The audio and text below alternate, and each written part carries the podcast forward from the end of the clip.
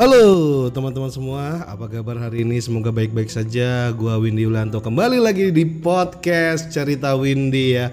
Aduh, udah lama banget nih nggak nongol ya karena kesibukan gua yang akhir-akhir ini banyak banget dari kerjaan kantor, dari kerjaan ya freelance dan juga kerjaan-kerjaan yang lain ya. so sibuk banget sih lu, ya. Emang gue tuh gimana ya, bukannya sok sibuk sih, cuman emang bener-bener lagi sibuk, lagi bener-bener lagi nggak ada apa sih ya namanya nggak ada waktu luang gitu loh.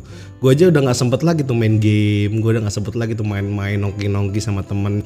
Ya walaupun sempet juga nggak ada temen yang nemenin ya.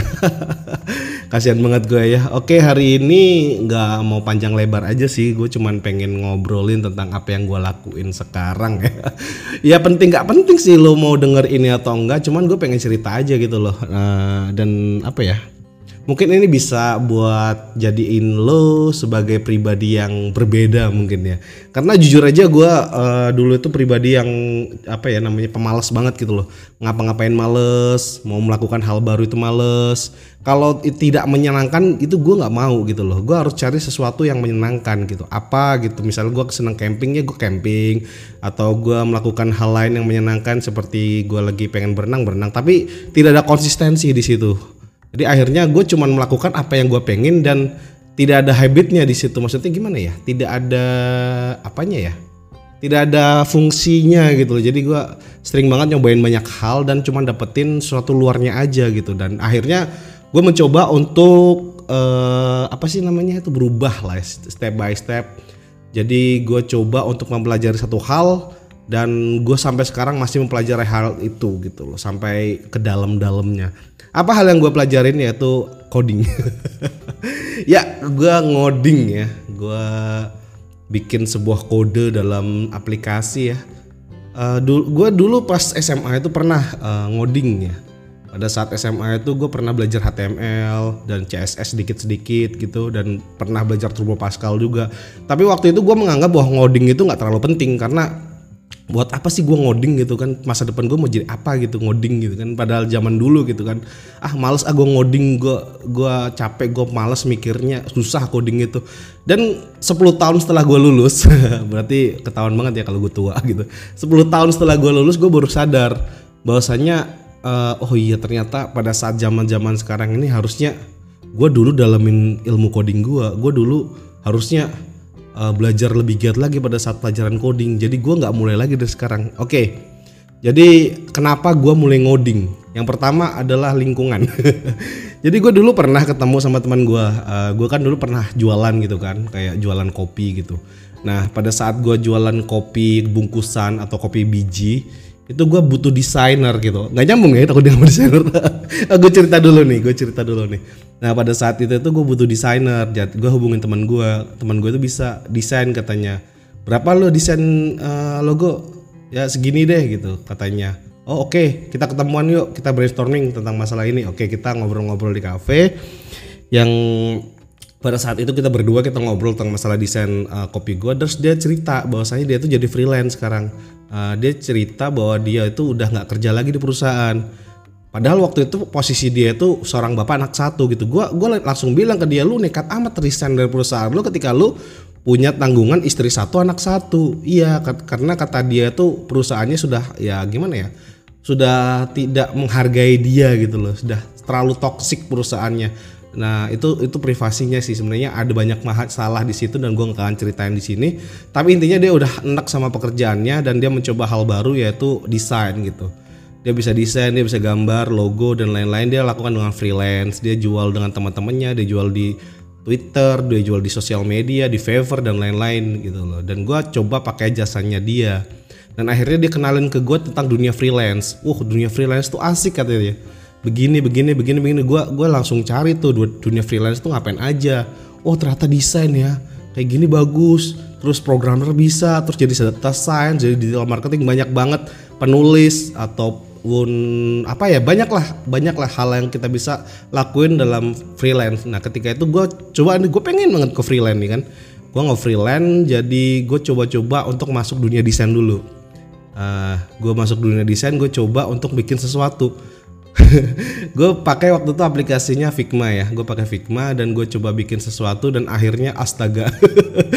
Gue sadar bahwasanya gue tuh tidak dilahirkan untuk menggambar gitu loh gue gambar apa ya waktu itu ya? Pertama ya gue lupa juga tuh. Oh iya gambar ke logo. Jadi bikin kayak motif-motif logo gitu kan.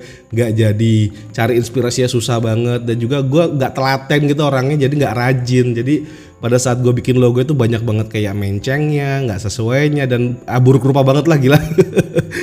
Akhirnya gue sadar bahwasanya diri gue tuh tidak dilahirkan untuk desain. Gue tuh payah banget dalam ngedesain akhirnya uh, gue bilang sama temen gue tips lo ngedesain gimana sih? Kayak gini kayak gini ya pakai sense pakai kerapian aduh aduh kok ribet ya? Desain itu tekniknya sedikit tekniknya sedikit. Cuman kreativitas kita tuh benar-benar digali banget di situ gitu loh. Kalau kita nggak ada ide kita nggak ada sesuatu inspirasi kita itu nggak bisa desain gitu katanya. Aduh susah juga nih cari inspirasi. Akhirnya gue cari nih apa nih yang cocok buat gue nih kan? Oh kayaknya gue gue cocok marketing nih tapi pada saat itu uh, marketing nggak ada nih yang bisa jadiin guru. Nih siapa nih guru gue marketing? Nggak ada temannya ternyata si teman gue itu bawa temannya satu lagi. Nah temannya satu lagi itu seorang programmer katanya. Nah gue dikenalin sama dia terus kita kita ngobrol-ngobrol. Dan akhirnya kita tahu bahwasanya oh dia itu pinter banget ke coding. Dia pinter banget gini dan gue tanya lu ngoding itu apa aja sih? Dasar-dasarnya begini begini begini begini begini. Dan gue langsung cari roadmapnya astaga gila banyak banget yang harus dipelajarin gitu kan. Dari front endnya begini dari HTML CSS JavaScript lalu nanti di back endnya bahasa pemrogramannya apa ini ini ini. Aduh sanggup nggak gue nih belajar nih kan? Banyak banget nih. Akhirnya gue cari cara instan gitu kan.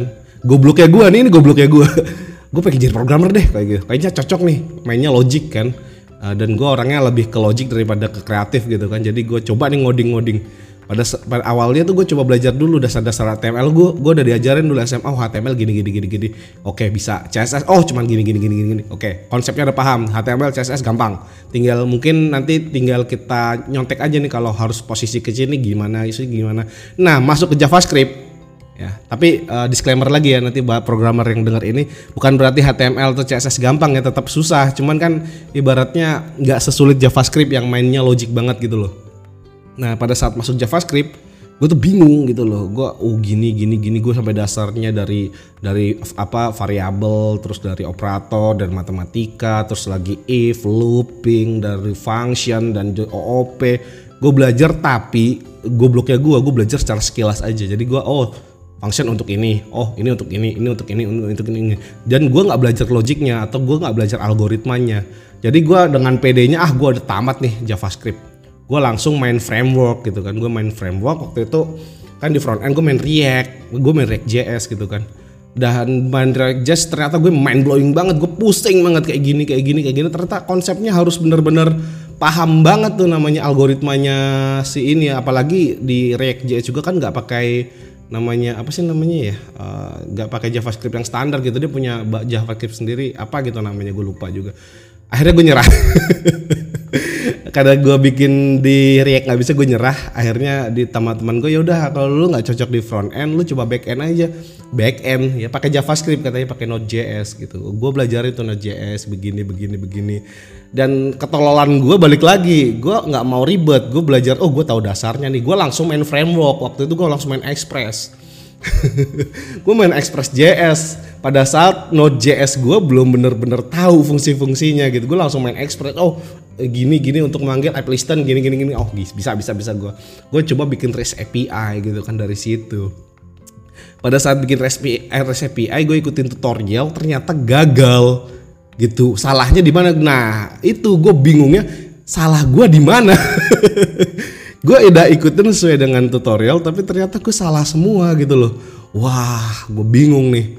Wah waduh gue bingung. Gue langsung bilang sama temen gue kayaknya gue nggak bakat ngoding deh. Terus lu mau lo apa kata temen gue kan? Uh, desain nggak bisa ngoding nggak bisa terus gue akhirnya aduh dia gimana ya gue tuh pengennya tuh rasanya gue pengen cepet bisa gitu loh gue pengen cepet-cepet uh, eh, gue selevel dengan temen gue gitu yang si programmer ini gue pengen selevel sama dia secara cepat dan akhirnya apa gue cuma bisa niru doang, gue cuma bisa copy paste doang. Ketika copy paste gue nggak sesuai, nggak cocok, misalnya ada upgrade atau apa, akhirnya gue gagal dan gue nggak bisa tahu kegagalan gue di mana. Akhirnya gue mikir gitu kan oh ternyata bener belajar fundamental itu penting gitu kan. Akhirnya gue coba untuk kembali lagi ke dasar. Gue beli kurs di Coursera ya kalau lo tahu uh, punyanya programmer zaman now Pak Eko. Pak, Pak Eko Kurniawan Kennedy ya.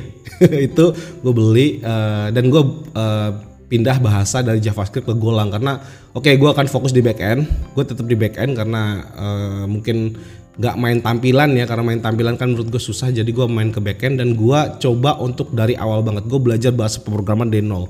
Jadi nggak ada namanya skip skipan nggak ada yang namanya apa namanya nggak ada yang namanya loncat-loncat nggak. Gue dari awal video itu sampai akhir karena gue bayar. Yang kemarin-kemarin kan gue ambil tutorial gratisan tuh dari YouTube dari apa gitu kan. Nah ini gue bayar di Coursera eh Coursera sorry bukan Coursera di Udemy di Udemy. Di Udemy itu Pak Eko sering banget kasih diskon tuh di Udemy itu sembilan puluh sembilan ribu. Nah gue beli yang golang. Kenapa gue pakai golang gitu kan? Karena uh, untuk belajar dasar dari JavaScript lagi berarti gue kan harus belajar JavaScript yang uh, JavaScript yang dasar front endnya dulu terus kita belajar Node.js-nya dulu Terus uh, tutorialnya Pak Eko nih di program zaman now tuh untuk database dan RESTful API-nya belum lengkap. Yang paling lengkap tutorialnya adalah Golang. Jadi uh, gue lihat Golang, gue lihat potensinya Golang, gue denger-dengar banyak banget artikel tentang Golang. Oh ternyata Golang menarik nih. Gue beli Golang dan gue belajar lagi dari awal. Gue belajar fundamental sekitar udah empat hari, eh empat hari ya empat hari lima hari gue masih dasar banget gitu gue masih belum berang, belum ambil namanya library gue belum ambil framework belum ambil apa pun gue masih di dasar banget. Gue ini terakhir bab yang gue kerjain tadi itu tentang masalah pointer kan. Tentang masalah pointer lima hari dan itu pointer gue masih belum paham dan gue bakal ulangin lagi besok gitu. Jadi benar-benar gue coba uh, sehari dua atau tiga tiga video gue tamatin gue pelajarin lagi gue bikin kasus beda lagi. Uh, benar-benar gue dalemin gue benar-benar uh, masuk banget di dalam fundamental dan juga gue ikutin teman gue ya uh, tipsnya katanya kalau lu mau belajar itu katanya jam subuh. Jadi katanya habis sholat subuh yang muslim ya lu bangun terus lu mandi habis itu lu langsung belajar. Emang bener kata teman gue jadi ketika gue uh, bangun subuh jam 5 terus gue uh, mandi wudhu sholat subuh lalu gue ke laptop gue gue belajar itu bener-bener ilmunya masuk semua gitu dan ingatannya bener-bener masih membekas di otak gue padahal umur gue hampir 30 gitu loh gue masih bisa fresh banget dalam uh, menerima materi daripada gue belajar dulu itu pulang kerja belajar. Jadi uh, di kerjaan gue banyak banget pikiran dan akhirnya gue belajar jadi buyar gitu loh. Dan tips kedua kata teman gue uh, hapus semua game katanya. Jadi gue hapus semua game hapus semua media sosial hapus semua media sosial. Gue nggak main media sosial lagi gitu. Nah, dan ya gitu akhirnya uh, eh, gue uh, apa hilangnya semua distraksi gue bilang ke cewek gue bahwasanya gue mau belajar lalu jangan ganggu gue dulu nanti jam segini kita baru bisa uh, uh, wa wa atau hubungan. Dia setuju dia support gue alhamdulillah banget ya. Dan akhirnya uh, untuk waktu lima hari gue belajar dari awal lagi itu manfaat benefitnya lumayan ya. Gue tahu banget dasar-dasarnya tanpa loncat-loncat dan gue bikin kayak setiap uh, pelajaran itu gue bikin studi kasus yang beda gue bikin studi kasus yang beda bikin sebuah logik-logik yang beda akhirnya gue lebih merasa matang gitu loh. Jadi kesimpulan dari podcast hari ini adalah jangan langsung ke yang jangan langsung loncat ya jangan langsung loncat yang ke gampang jadi lo harus belajar dulu tentang fundamentalnya. Itu nggak cuma programming semuanya. Misalnya lu pengen jadi desainer grafis lu jangan langsung main ini ya. Maksudnya langsung buka Photoshop langsung gambar. Lu harus tahu dulu fungsi ini buat apa fungsi itu buat apa fungsi sama dengan programmer juga gitu loh. Kalau mau ibaratnya mau bikin sebuah aplikasi lu jangan langsung React gitu. Lu belajar dulu HTML-nya CSS-nya JavaScript-nya gitu kan. Sama kalau lu mau ke backend juga lu belajar dulu tentang logic-logicnya tentang semua dasar-dasarnya package-package ya baru pakai library dan akhirnya coba bikin sebuah studi kasus yang beda gitu. yang penting kita mulai dari fundamental lah, kita kuatin fundamental baru kita bisa sukses ke depannya. Oke, gitu aja ya podcast gue yang nggak terlalu penting ini, tapi ya semoga teman-teman suka dan salam enjoy buat semuanya.